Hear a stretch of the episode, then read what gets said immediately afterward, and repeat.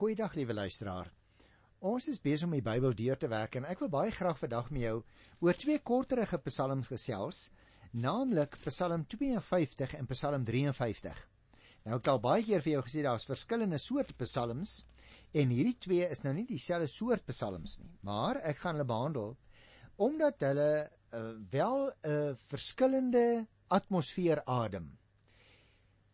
Nou hierby wil ek nou eers aansluit en 'n bietjie met jou gesels, want jy sien liewe luisteraar, in elke een van die psalms lê daar 'n bepaalde emosie. Nou het ek al dikwels met jou so bietjie oor emosie gesels en dan nog verwys, maar ek het nog nooit redelik indringend met jou daaroor gesels nie. Kom ek begin so en ek sou vir jou wou sê, ons moet onthou, die psalms is almal gedigte. Dis oorspronklik gedig dit was ook liedere wat gesing is, dit het dus 'n bepaalde ritme gehad. Maar die oomblik as jy met die lied te maak het of as jy met poësie te maak het, dan het jy te maak met 'n bepaalde literêre soort, met 'n bepaalde genre. Daarom moet jy versigtig wees om alles wat byvoorbeeld in poësie geskrywe is, noodwendig letterlik op te neem. Wat wel baie belangrik is en duidelik na vore kom in poëtiese materiaal, is die emosie wat daarin ingebed lê. Om die waarheid te sê, 'n lied of 'n gedig kom as dit ware voort uit 'n bepaalde emosie.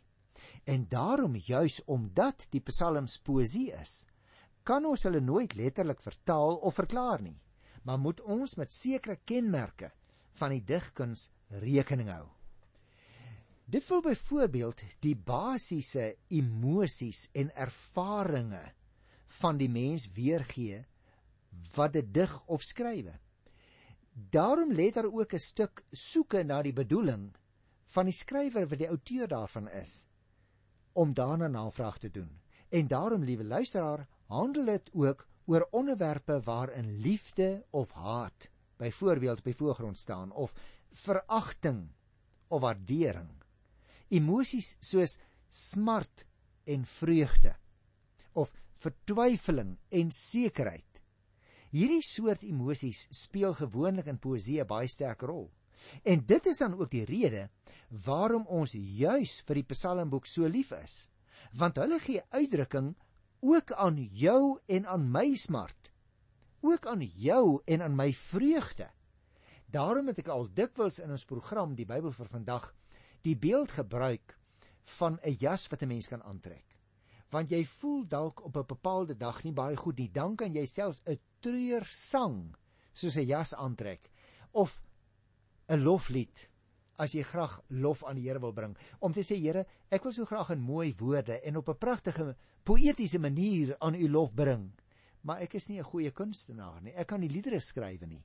Dan kan jy 'n loflied, een van die psalms, sê net maar 146 vat en jy trek dit as ware aan soos 'n lied en jy dra dit vir die Here voor. Met ander woorde, geen tussenganger is nodig as 'n mens jou emosie wil oordra aan die Here. Jy kan dit self doen of in jou eie woorde of jy kan die Psalm as 'n voertuig gebruik, maar jy gaan dus as dit ware direk met die Here in gesprek of in die uiting van jou emosie. Poesie, liewe luisteraar, kommunikeer direk.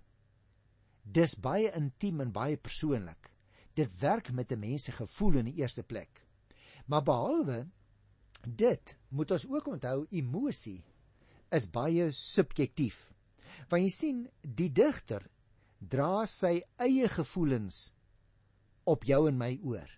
En daarom as ons dit nie as 'n jas aantrek nie, dan is dit nooit subjektief ons eie gevoel wat ons verklank nie. Die digter praat as dit ware met homself maar hy dra in die proses sy gevoelens en sy beskouings op jou en my oor. Hy vertel nie 'n verhaal nie. Hy knoop ook nie 'n argument aan om iemand te probeer oortuig nie. Maar hy verwoord bloot wat hy self persoonlik ervaar. Nou jy sien, dit is juis van hierdie uiters subjektiewe aard van die poësie dat jy en ek nie met hom kan argumenteer nie. Hy wil jou in elk geval nie met argumente oortuig nie. maar jou op so 'n manier betrek. Ek wil amper vir jou sê, hy wil jou so intrek in sy eie emosie dat jy sy eie subjektiewe ervaring begin meemaak. En daarom kan jy en ek tot dieselfde gevolgtrekking kom as die digter. Omdat ons die dinge soos hy ervaar. Sy sekerheid word my sekerheid. Sy twyfel word my twyfel. Mag ek jou op nog 'n aspek noem? Om jou gevoelens te raak, moet die digter op 'n ongewone manier van taal gebruik maak. Hy gebruik wel woorde en beelde en ritme, maar dan gebruik hy besondere woorde, woorde wat jou en my ook raak. Beelde wat ook vir jou vir my aanspreek. Ritme, soms is dit vinniger. Ander keer is dit stadiger. Op so 'n besondere manier dat jy en ek ingetrek word ook in die emosie en die ervaring van die digter wat hier aan die woord kom. Digters, liewe luisteraars, maak gebruik van herhalings en alliterasie en rym en oordrywing, woorde wat met emosie gelaai is. Selfs die vorm en die struktuur van elke gedig speel elke keer 'n baie belangrike rol in die betekenis daarvan. Elke brokkie taal en emosie kry sy bepaalde funksie. Nou as jy mooi geluister het, sou jy iets gehoor het wat ek genoem het. Want ek het gesê elke gedig, elke stuk poësie. En nou moet ons net kortliks en daarmee wil ek afsluit.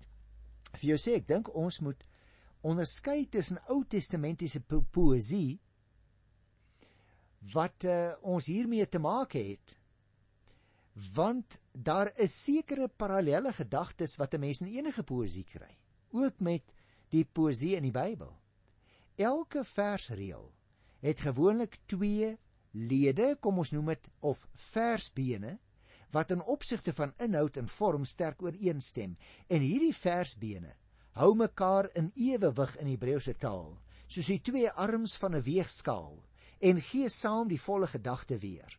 Ongelukkig is baie van hierdie parallelle gedagtes in sommige Bybelvertalings glad nie meer sigbaar nie.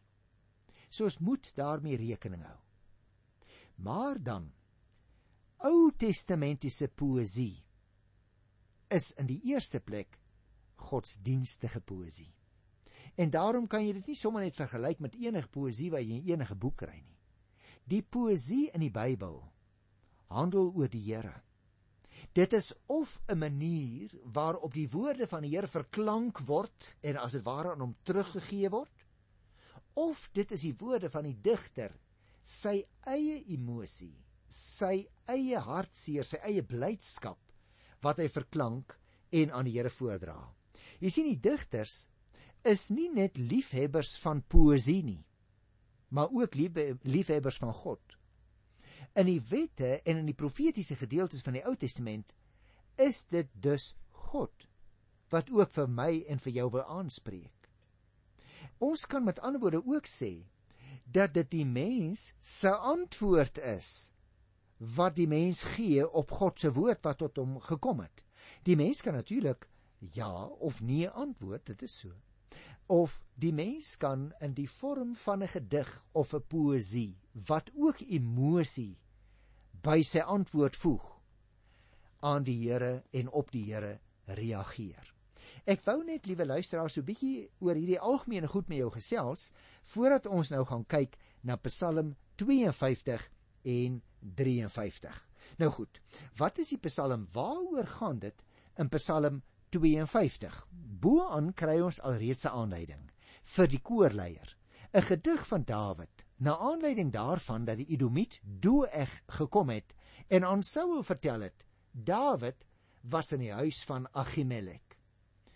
Dis interessant nê, want hoewel die opskrif dit verbind aan 1 Samuel 21 se eerste 9 versies en ook Hosea 22 vers 9 en 10, is die inhoud eintlik so algemeen dat dit betrekking het op enige mens wat slegte dinge doen en dan nog daarop trots is. Jy kan gerus as jy wil in hierdie verband ook lees wat daar staan in Jesaja 52 vers 15 tot 19. Maar goed, terug na Doeg toe. Doeg, sal jy onthou uit die Ou Testament, het geglo dat hy 'n held was. Hy het selfs met sy daad gespog en wat hy gedoen het was verkeerd en 'n sonde voor die Here. As jy die geskiedenis wil gaan naslaan net 'n oombliekie daaroor, dan sal jy opmerk hoewel Doeg aan hierdie geskiedenis kon gedink het wat hier beskryf word, is die inhoud van die gedig so algemeen dat dit in elke situasie van toepassing kan hê, liewe luisteraar. Kom ons lees vers 3 tot by vers 6. Jy wat jou groot hou, sien jy nou luisteraar, hoe kom ek sê dit gaan nie net oor Dawid en sy tyd nie. Dit het waarskynlik daaroor gehandel. Maar dit handel oor veel meer, dit handel oor jou en my eie tyd, ons eie situasie. As jy dalk iemand is wat jou groot hou, moet jy hier luister. Wat hier staan. Jy wat jou groot hou, jy spog verniet oor jou slegte dade. Onthou, God sorg altyd vir my. Jy wil anders se ondergang bewerk, maar jou vlamskerp tong, daarmee pleeg jy bedrog. Jy die kwaad liewer as die goeie en die leuen het jy liewer as die waarheid. Jy saai groot verwarring met jou leuns. Jy sien, liewe luisteraar, die stryking van die Psalm herinner dus aan die ou inhoud van die gedeelte waarvan die die digter self praat. Maar as jy kyk na vers 9, dan kom jy agter, gaan nou daarby stil staan, dat 'n ryk vooraanstaande man hier aan die woord is wat sy posisie misbruik om 'n vrome wat skynbaar baie arm is te benadeel. Die beskrywing van hierdie se man se lewensbenadering stem dus in 'n groot mate ooreen met die van 'n goddelose wat 'n ander een se ondergang soek. Daarom word hier gepraat van bedrog in vers 4c of leuns in vers 5b. Die tong Wat is bedoel is dat 'n mens daarmee vir God moet eer, volgens Jakobus 3 vers 9, word hier gebruik om 'n medemens se ondergang te bewerk. Die verwarring wat veroorsaak dat mense se koppe deurmekaar raak. Luister na vers 7 tot by vers 9. Maar God sal jou vir altyd vernietig. Hy sal jou uitruk en wegsleep uit jou woonplek Hy sal jou wegruk uit die land van die lewendes. As die regverdiges dit sien, sal met ontzag vervul word en smalend van jou sê: "Dit is nou die man wat nie op God se krag wou steun nie, maar op sy eie rykdom vertrou het en hom sterk wou maak deur inhaligheid." Dit is dus baie duidelik, liewe luisteraar. 'n Mens moet versigtig wees dat jy nie op jou eie krag staat maak nie. Want let nou op, teenoor hierdie man wat nou net beskrywe is. Lees ons in vers 10 en 11. Maar ek staan soos 'n welige olyfboom. Ek is in die huis van God en ek steun altyd daarop dat hy vir my sorg. Ek sal u altyd loof vir wat u gedoen het. Voor u dienaars sal ek u naam prys, want u is goed. Nou dit is dus die ander soort lewenswyse. Jy onthou dat ek toe ons Psalm 1 behandel het, ook vir jou gewys het op twee soorte lewenswyse. En hier in Psalm 52 het dit nou ook weer na vore gekom. Dit gaan dus in 'n groot mate ook oor lewenswysheid. Die digter het dus hier in die laaste twee verse 'n gevoel soos 'n welige olyfboom omdat God by hom is. En natuurlik, liewe luisteraar, jy sal dit weet, 'n olyfboom word baie oud en een wat beskut is nog ouer. Daardeur wou die digter dus beklemtoon hoe groot die kontras tussen God se ewige beskerming van die gelowige en die skielike verwoesting van die goddelose in hierdie lewe is. En dit geld met die oog op hierdie lewe, maar ook met die oog op die ewige lewe. Dit bring my by Psalm uh, 53 en daarmee wil ek graag afsluit vir vandag. Die opskrif daarvan is daar is nie een wat goed doen nie. Nou jy kan dit gerus vergelyk as jy wil met Psalm 14 want daar kry mens min of meer dieselfde gedagte. Maar die tema waaroor dit hier eintlik gaan, sou ek wou sê, liewe luisteraar, is die dwaas, die goddelose sê daar is geen God nie. En as 'n mens nou rondom jou kyk in hierdie lewe, weet nie of jy ook al so gevoel het by tye nie, en jy sien die voorspoed van die goddelose en jy hoor die uitlatings van 'n goddelose mens. Dan sê vir jouself maar, "Jo. Wonder daarom of dit die moeite werd is om die Here te dien." Nou volgens die Bybel is dit altyd die moeite werd om die Here te dien, luisteraar. As jy dalk vir dag iewers in 'n motor ry en jy luister half toevallig na ons program, wil ek vir jou sê wie hy by die Here is daar eintlik nie so iets so toevalligheid nie. Dalk het die Here 'n bedoeling daarmee dat jy vandag op hierdie program inskakel. Want sien, ek kan niks agter die mikrofoon kan ek niks aan jou doen nie. Die radio kan niks aan jou doen nie. Maar wie wat? Die almagtige God wat deur sy gees werk, mag dalk net vandag vir jou persoonlik deur die radiogolwe en deur my wat hier agter die mikrofoon sit deur die radio wat jy aangeskakel het. Dalk wil die ewige God vandag hierdie medium gebruik om met jou te praat. Liewe luisteraar as mense kyk na Psalm 53 dan lyk dit op die oog af 'n baie eenvoudige psalm. Die digter sê vir ons baie duidelik in Psalm 53 dat mense wat sê daar is geen God nie dwaase mense is. Paulus verwys ook daarna in Romeine 3 by die 11de versie. Dit is natuurlik waar jy en ek weet dit almal baie goed. Mense sê soms so omdat hulle hulle sondes wil wegsteek. Omdat dit hulle verskoning gee om aan te hou sonde doen of omdat die regter skynbaar nie sien nie. Dit lyk as 'n mens rondom jou kyk asof die Here nie ingryp wanneer daar eintlik na jou mening geoordeel moet word nie. 'n Dwaas luisteraar is nie noodwendig 'n onintelligente persoon nie, dit moet ons glo. Daar is baie ateëste wat hooggeleerde mense is. Nee. Volgens die Bybel is 'n dwaas iemand wat vir God verwerp. Kom ons lees dan die eerste 7 versies. Die dwaas dink daar is geen God nie.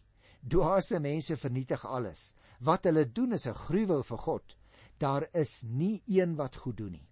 Van die hemel af kyk God die mense deur om te sien of daar een verstandige is, een wat na die wil van God vra. Almal het afgedwaal, die laaste een het ontaard. Daar is niemand wat goed doen nie, selfs nie een nie. Julle wat onreg pleeg, wat my volk opeet asof julle brood eet en wat weier om God te dien, weet julle dan nie dat daar iets vreesliks met julle gaan gebeur? So vreeslik soos nooit tevore nie. God sal die bene van die wat teen sy volk wil veg op die slagveld verstrooi. Sy volk sal hulle op die vlug laat slaan, want God het hulle verwerp. Ag, mag daar tog uit Sion vir Israel iets goeds kom. Wanneer God die lot van sy volk verander, sal Jakob juig, sal Israel bly wees. Ek wil graag weer 'n keer onderstreep wat hier in vers 6 geskrywe staan. Weet julle dan nie dat daar iets vreesliks met julle sal gebeur? So vreeslik soos nooit tevore nie. Jy sien liewe luisteraar, hier word daar eintlik afgewyk van dit wat in die vorige verse staan. Want volgens die voorafgaande verse lyk dit asof mense nou maar net rondom hulle kan kyk Hulle kan sê, "Ooh, kyk hoe verskriklik tree die mense op," maar maar God sien dit nie. God doen dan niks daaraan nie. Nou sê die digter, hoorie maar wag 'n bietjie. Dit is nie waar nie. God se oordeel kom verseker. God se oordeel is soms net langsaam in sy koms. Wat sou dit beteken? Liewe luisteraar, dit beteken dat jy en ek wat soms dink die Here gaan nie oordeel nie. Ons maak 'n lelike fout. Want jy sien, die Here se oordeel kom verseker. Miskien nie in jou en in my tyd nie, maar dat sy oordeel kom daaroor in die Bybel, geen twyfel nie. Dit is dus baie baie belangrik, liewe luisteraar, dat jy en ek sal weet ons gaan almal eendag voor die regterstoel van die almagtige God staan. Dit is nie waar wat goddelose mense sê dat die Here nie sien nie, dat hy die oordeel nie straf nie. Want sê hulle, kyk rondom jou man, daar is geen oordeel nie.